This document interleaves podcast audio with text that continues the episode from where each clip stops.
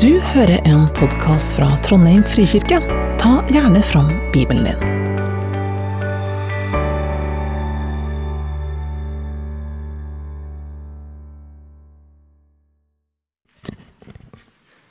I'll, I will read Matthew 5 1 through 12 in the English Standard Version. Seeing the crowds, he went up on the mountain, and when he sat down, his disciples came to him. And he opened his mouth and taught them, saying, Blessed are the poor in spirit, for theirs is the kingdom of heaven. Blessed are those who mourn, for they shall be comforted. Blessed are the meek, for they shall inherit the earth. Blessed are those who hunger and thirst for righteousness, for they shall be satisfied. Blessed are the merciful, for they shall receive mercy. Blessed are the poor in heart, for they shall see God. Blessed are the peacemakers, for they shall be called sons of God. Blessed are those who are persecuted for righteousness' sake, for theirs is the kingdom of heaven. Blessed are you when others revile you and persecute you and utter all kinds of evil against you falsely on my account. Rejoice and be glad, for your reward is great in heaven, for so they persecuted the prophets who were before you. Ja, jeg heter altså Helge Standal. Jeg er pastor her, en av tre. Mm, Jobber i 20% stilling, så det er ikke så veldig ofte dere ser meg. Men jeg har jo en del gudstjenester og taler, så dere vil høre meg kanskje mer enn dere ser meg. Eh, Vi er kommet til eh, første eh, gudstjeneste i denne temaserien om bergpreika. Og Jeg vil bare anbefale dere å lese bergpreika nå i høst. Gjerne mange ganger. Gjerne bruke det heftet som vi har laga, til å notere, til å skrive ned spørsmål. Bli med i smågrupper der en også vil ha dette som tema nå i høst. Og så er det jo slik at Hvis dere har lyst til å jobbe litt mer med bergpreika, så er det fantastisk mye bra litteratur om akkurat denne delen av Bibelen. Matteus 5-7. Eh, en som heter John Stott, bibellærer, anglikansk prest. Fantastisk bibelfortolker. Han har skrevet masse bøker, men han har også skrevet ei om bergpreika, som fins på norsk. Den er ikke få kjøpt, ikke få lånt, men den går du inn på biblioteka sine nettsider, så ligger den på dette med lån og sånt, så vil den ligge der, og du kan lese den på nettet fritt. Eh, ei bok som vi kommer til å komme tilbake igjen til, det er Oskar Skarsaune sin bok 'Etterlyst bergprekenens Jesus'. Og undertittelen har 'Folkekirkene glemt han'. Veldig utfordrende bok. Han er jo, Skarsaune er jo en av dere. Han er trønder. Han er vokst og, født og vokst opp her i Trondheim. Og Det skulle jo bety at dere absolutt burde lese han. Men eh, det er vel verdt å lese han av mange grunner. Han var professor på MF, og denne boka er få tak i både på låne og på kjøpe. Og Så anbefaler jeg ei på engelsk som heter The Divine Conspiracy, som er skrevet av en som heter Dallas Willard. Fantastisk bok. Eh, Jeg oppdaga at hun kan bestilles på norske nettbokhandlere til en latterlig billig pris. Og Det sier sjøl om jeg er sunnmøring. Så Den er 400 sider, men utrolig masse stoff. Og Det er om det kristne disippellivet. Så gå i gang. For det vi skal inn i, det er jo verdens mest berømte tale. Det er mange taler som har blitt holdt, men dette er kanskje den mest kjente. En tale som gir et, oss et perspektiv som vi trenger, som gir oss et glimt av livet i Guds rike. Og jeg tror det var en sånn tale at Hvis du hadde vært der og hørt den, så hadde du gått hjem igjen, og så hadde ikke du fått sove den natta. Og det står jo, Når Jesus hadde holdt denne talen, så står det jo at folket var slått av undring over hans lære, for han lærte dem med myndighet og ikke som deres skriftlærde. De var slått av undring.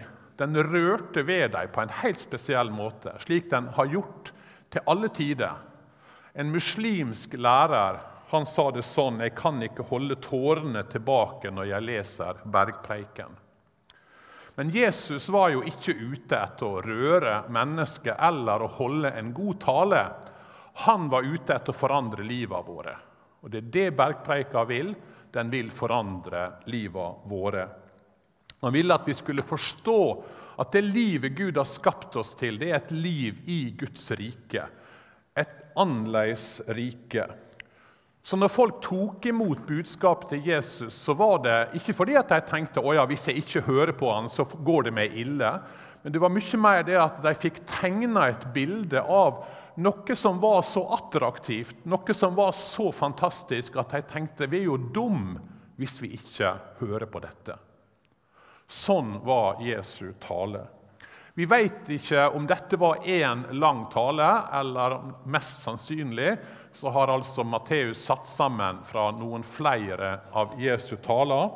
Men han må likevel ha meint at denne talen, disse tre kapitlene, sammenfatter Jesu undervisning om Guds rike, om kongeriket. For det er det som er bakgrunnen, slik Ingebrigt snakka om forrige søndag, nemlig at Jesus hadde nettopp stått fram etter han var døpt, etter han hadde blitt frista i ørkenen.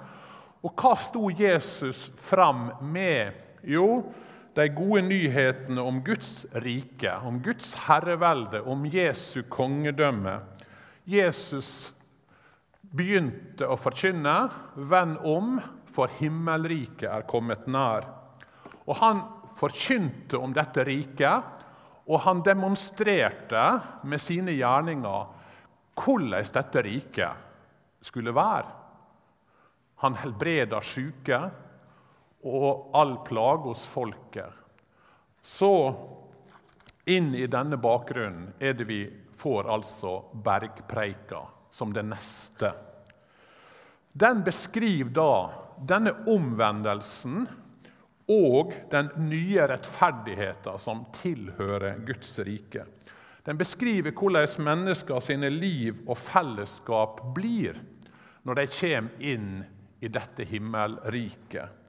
Og hva blir de?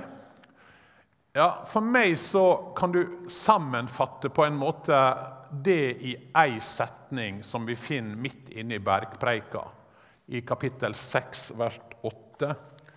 Vær ikke lik dem. Jesus kommer og sier dette er noe annet. Dette er et annerledes rike.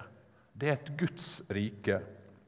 Og Gjennom hele bergpreika så blir liksom dette temaet utfolda igjen og igjen. Jesus sier er, der er to veier.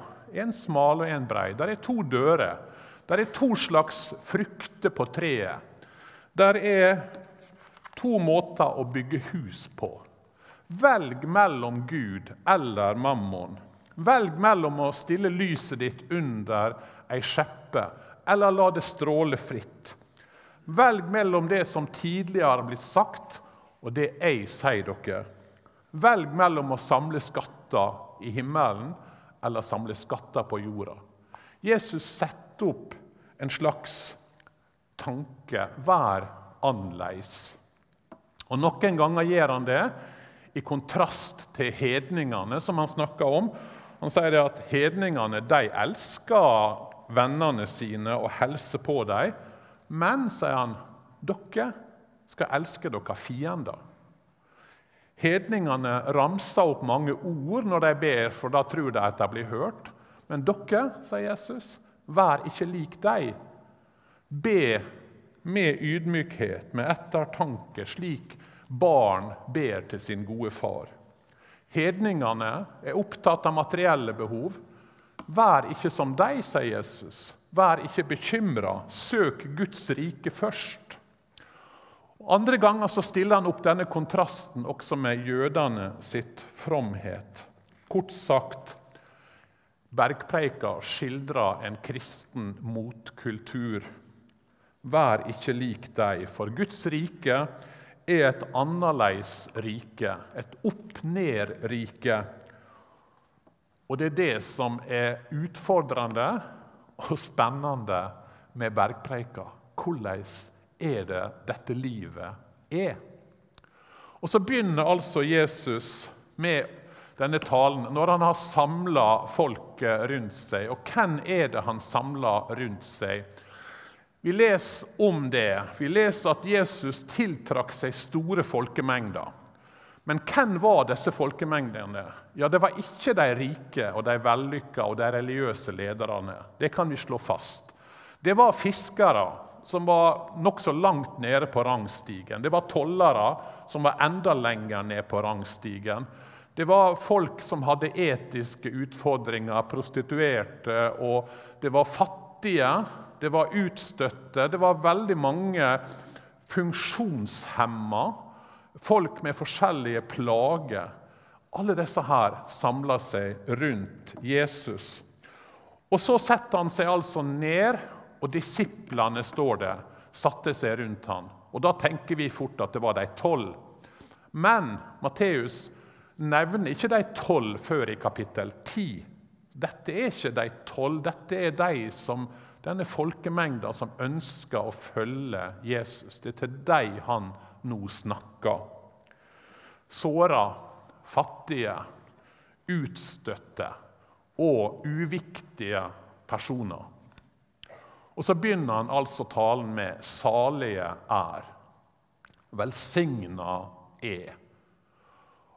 Og det var ikke noe som var ukjent for disse tilhørerne. Fordi Jesus går inn i en tradisjon her der han sier 'salige er', slik det gjøres mange ganger i Bibelen. F.eks. i den aller første salmen. Salig er den som ikke følger lovløses råd, ikke går på synderes vei, ikke sitter i spotteres sete. Eller som vi leser i den lengste salmen i 119.: Salige er de som har hele i sin ferd, de som følger Herrens lov.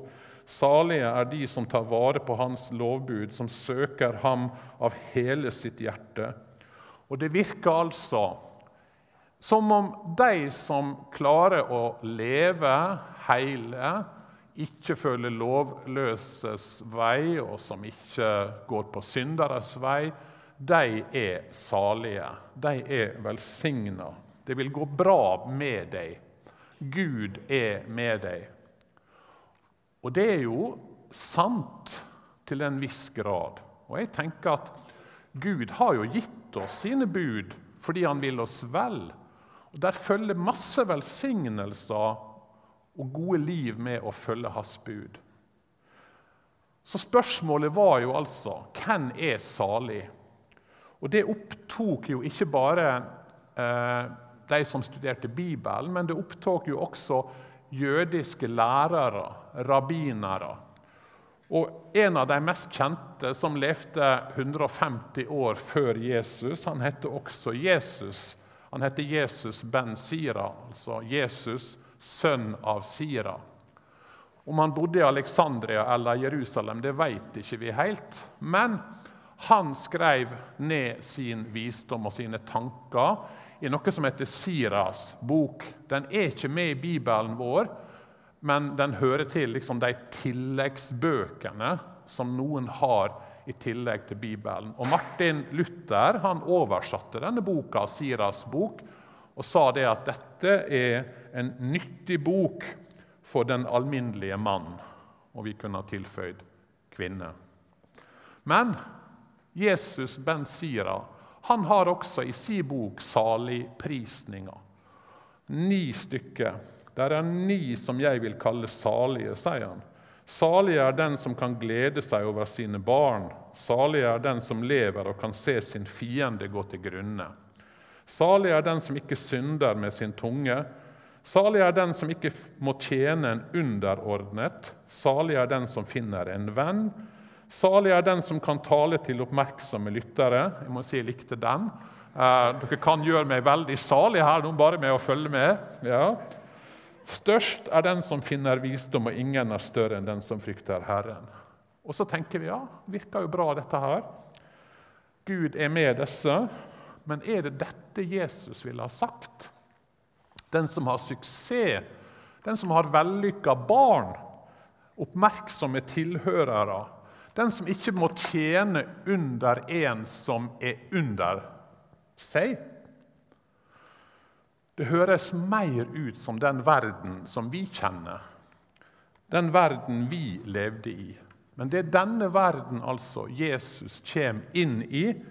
Og de som satt ved Jesu føtter denne dagen, når han begynner å si 'salige er', så må kanskje hjertet deres ha sunket. For de følte nok 'vi er ikke blant dem'. Vi er ikke de vellykka. Vi er ikke de som har suksess, og som har rikdom, og som har vellykka barn. Vi er ikke de som er velsigna av Gud. Og vi er nok prega litt av de samme tankene. Jeg husker Da vi bodde i Sandnes, da var vi i den menigheten jeg var prest, så var det veldig mange 40-50-åringer som hadde tenåringer på våre tenåringer sin alder. Og Det var mye snakk om hva disse her tenåringene skulle gjøre. og Noen fortalte jo da han skal på bibelskole neste år, eller hun skal på outreach for ungdom i oppdrag, eller han skal til Trondheim. Det var jo høydepunktet selvfølgelig, å begynne på NTNU. Vellykka, vellykka, vellykka. Og så satt det jo mange der som kjente på ja, dette er ikke mine barn, de kan ikke drømme om å gå på en bibelskole engang. Og så følte de ja, vi er ikke de salige. Vi er ikke de som Gud velsigner. Og sånn tror jeg de hadde det, de som satt rundt Jesus denne dagen. For dette var de utstøtte. Dette var ikke de vellykka.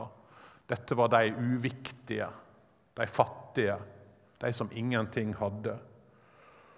Og hvor forskrekka og overraska de må ha blitt av Jesus denne dagen. For hva er det Jesus sier? Jo, salige er de fattige i seg sjøl. Salige er de ydmyke, de saktmodige, de som sørger, de som blir forfulgt. Og så har mange lest disse saligprisningene som en slags liste over egenskaper som Jesus ber oss om å streve etter. Bli ydmyk, bli barmhjertig, bli reine av hjertet. Når vi strever etter det, så vil Gud belønne dere og la dere få oppleve salighet. Men det er akkurat det motsatte av det Jesus gjør. Vi har snudd det helt på hodet når vi har sagt dette er liksom noe vi skal strebe etter. og Når vi oppnår det, så blir vi salige. Nei, Jesus snur dette helt på hodet. Han sier at Guds rike først blir rekt til deg som ingenting har. Guds rike, sier han, saligheten er for dere som sitter her rundt meg, som mangler alt som ikke føler at de kan bidra med noe, verken overfor mennesker eller overfor Gud. Og Det er disse sier Jesus sier dere mangler alt, men når dere eier meg og Guds rike, altså eier dere samtidig alt. Jesus beskriver de mennesker som Guds rike blir rakt fram til han sier ikke 'prøv å bli fattig', for han sier heller ikke 'prøv å bli forfulgt' eller 'prøv å sørge litt mer'. Nei, han kommer med den store overraskelsen og det totale opp-ned-budskapet om at det er disse folka som først blir kalt inn i Guds rike og får høre til der. Og Her er det som overrasker, tror jeg, veldig mange med Jesus, når de først blir kjent med ham. Det virker som om Jesus synes å foretrekke de fattige og de som sørger, framfor de rike og supermodellene på Santa Monica Beach. Det virker som om han foretrekker slummen framfor luksusstrøket. Som han foretrekker Sudan framfor Monte Carlo. Legg merke til det i evangeliet også. Hva slags menneske er det Jesus legger merke til og trekker fram? Ei fattig enke som gir noen få øre. En uærlig toller som har klatra opp i et tre for å skjule seg. Barn som vi ikke veit navnet på. En blind tigger. Ei kvinne som er grepet i ekteskapsbrudd. En spedalsk mann som kommer tilbake igjen for å takke. Ei anna kvinne med fem ekteskap bak seg. Styrke, utseende, forbindelse, penger. Alt dette gir et konkurransefortrinn i vår verden. Men det er som om Jesus sier disse er hindringer på veien inn i Guds rike. Avhengighet, sorg, anger, en lengsel etter fred. Det er porten til Guds rike. Og så er det viktig å si at de er jo ikke salige fordi de er sørgende eller fattige. Som om det egenskapen i seg sjøl skulle være noe positivt. Jesus bruker jo mye av sin tid på å helbrede. Han bruker mye tid på å reise opp utstøtte osv. Dele til de fattige. Men de er altså salige fordi de bare har Gud å venne seg til med sine behov. Og når du bare har Gud, da er himmelens rike nær. Og Så tenker vi kanskje ja vel, de har det elendig, da. Det ser vi. Vi forstår det. Men det Jesus sier, det er at en gang der framme så skal dere få lov å oppleve salighet i himmelen. Dere har det fryktelig nå, dere må tåle det. Det er en jammerdal, og dere må holde ut. Men da skal alt bli bra. Var det dette Jesus forkynte? På en måte så er det selvfølgelig noe sant i det. At en dag skal Guds rike komme fullt ut. Og det skal ikke være sorg. Det skal ikke være fattigdom. Det skal ikke være tårer og elendighet. Alt skal bli bra, og jeg tror at det blir, blir en så salighet at de tingene som vi ser på som de store utfordringene her og nå, vil bleikne når vi får oppleve det. Men er de også salige her og nå? Eller er det bare noe de skal vente på til en eller annen gang der framme. Ingebrigt snakka om dette forrige søndag. Han sa det at å forstå Guds rike det er å forstå at Guds rike både er kommet og ennå ikke fullt ut kommet. Og Det må vi holde fast på. Det er en veldig, en veldig viktig ting som kristne å holde fast på. Guds rike har kommet med Jesus. Vi ser det. Syke blir friske, døve hører. Evangeliet blir forkynt for fattige. Vi ser glimt av det hele veien. Guds rike er her, og så skal det en dag komme fullt ut. Og Det er denne spenninga, og det er der Jesus ikke sier dere skal bli salige en gang, men han sier salige er dere. Veit Jesus noe vi ikke veit eller har glemt? Ikke om livet der framme en gang, men om livet her og nå. Jesus var sjøl fattig. Han hadde ikke en stein å hvile hodet sitt på. Han hadde ikke et heim å bo i. Han hadde så lite at det eneste soldatene kunne dele For soldatene fikk lov til å dele eiendelene til de de korsfesta. Det eneste Jesus hadde, var ei kappe. Det var alt. Han sørga over Lasarus som var død, over døden sin makt. Han sørga over Jerusalem, han sørga over folk som ikke ville sitt, forsto sitt eget beste. Han var saktmodig, ydmyk. Han hungra og tørsta etter rettferdighet. Han var barmhjertig og møtte alle slags mennesker med barmhjertighet, med helbredelse og oppreisning. Han var rein av hjerte. Han skapte fred ikke bare mellom oss og Gud, men også mellom mennesker. Han ble forfulgt, han ble spotta og håna. Og når han sto framfor eh, det øverste råd, så kom de med folk som bar falske vitnesbyrd mot han, laug mot han. Var Jesus salig? Eller venta Jesus også bare på den der eh, framtida da alt skulle bli bra? Jeg tenker Jesus var fullt ut salig midt i alt dette her. Og så forteller det noe om saligprisningene. at når han var slik, harmonisk, fredfull, rolig og trygg, så handler altså det kristne livet i Guds rike om at Gud vil at sånn skal også vi ha det, være, leve. Og resten av bergpreika forteller oss hvordan dette kan skje. Hvordan vi kan leve et sånt annerledes liv. Det nye livet i Jesu kongedømme, der alt blir snudd opp ned. Vi tror jo at dette er bare tap. Men Jesus sier nei, her er noe annet her. En annen virkelighet. Andre verdier. Som hvis dere lever i det, så vil dere oppleve noe helt annet enn det verden tror er salighet. Saligprisningene beskriver altså mennesker som mangler det meste. Dallas Willard han skriver i sin kommentar noe om dette her, at kanskje Jesus Kanskje ikke vi føler oss som utstøtte eller veldig fattige eller blir forfulgt osv. Hva ville Jesus ha sagt i dag?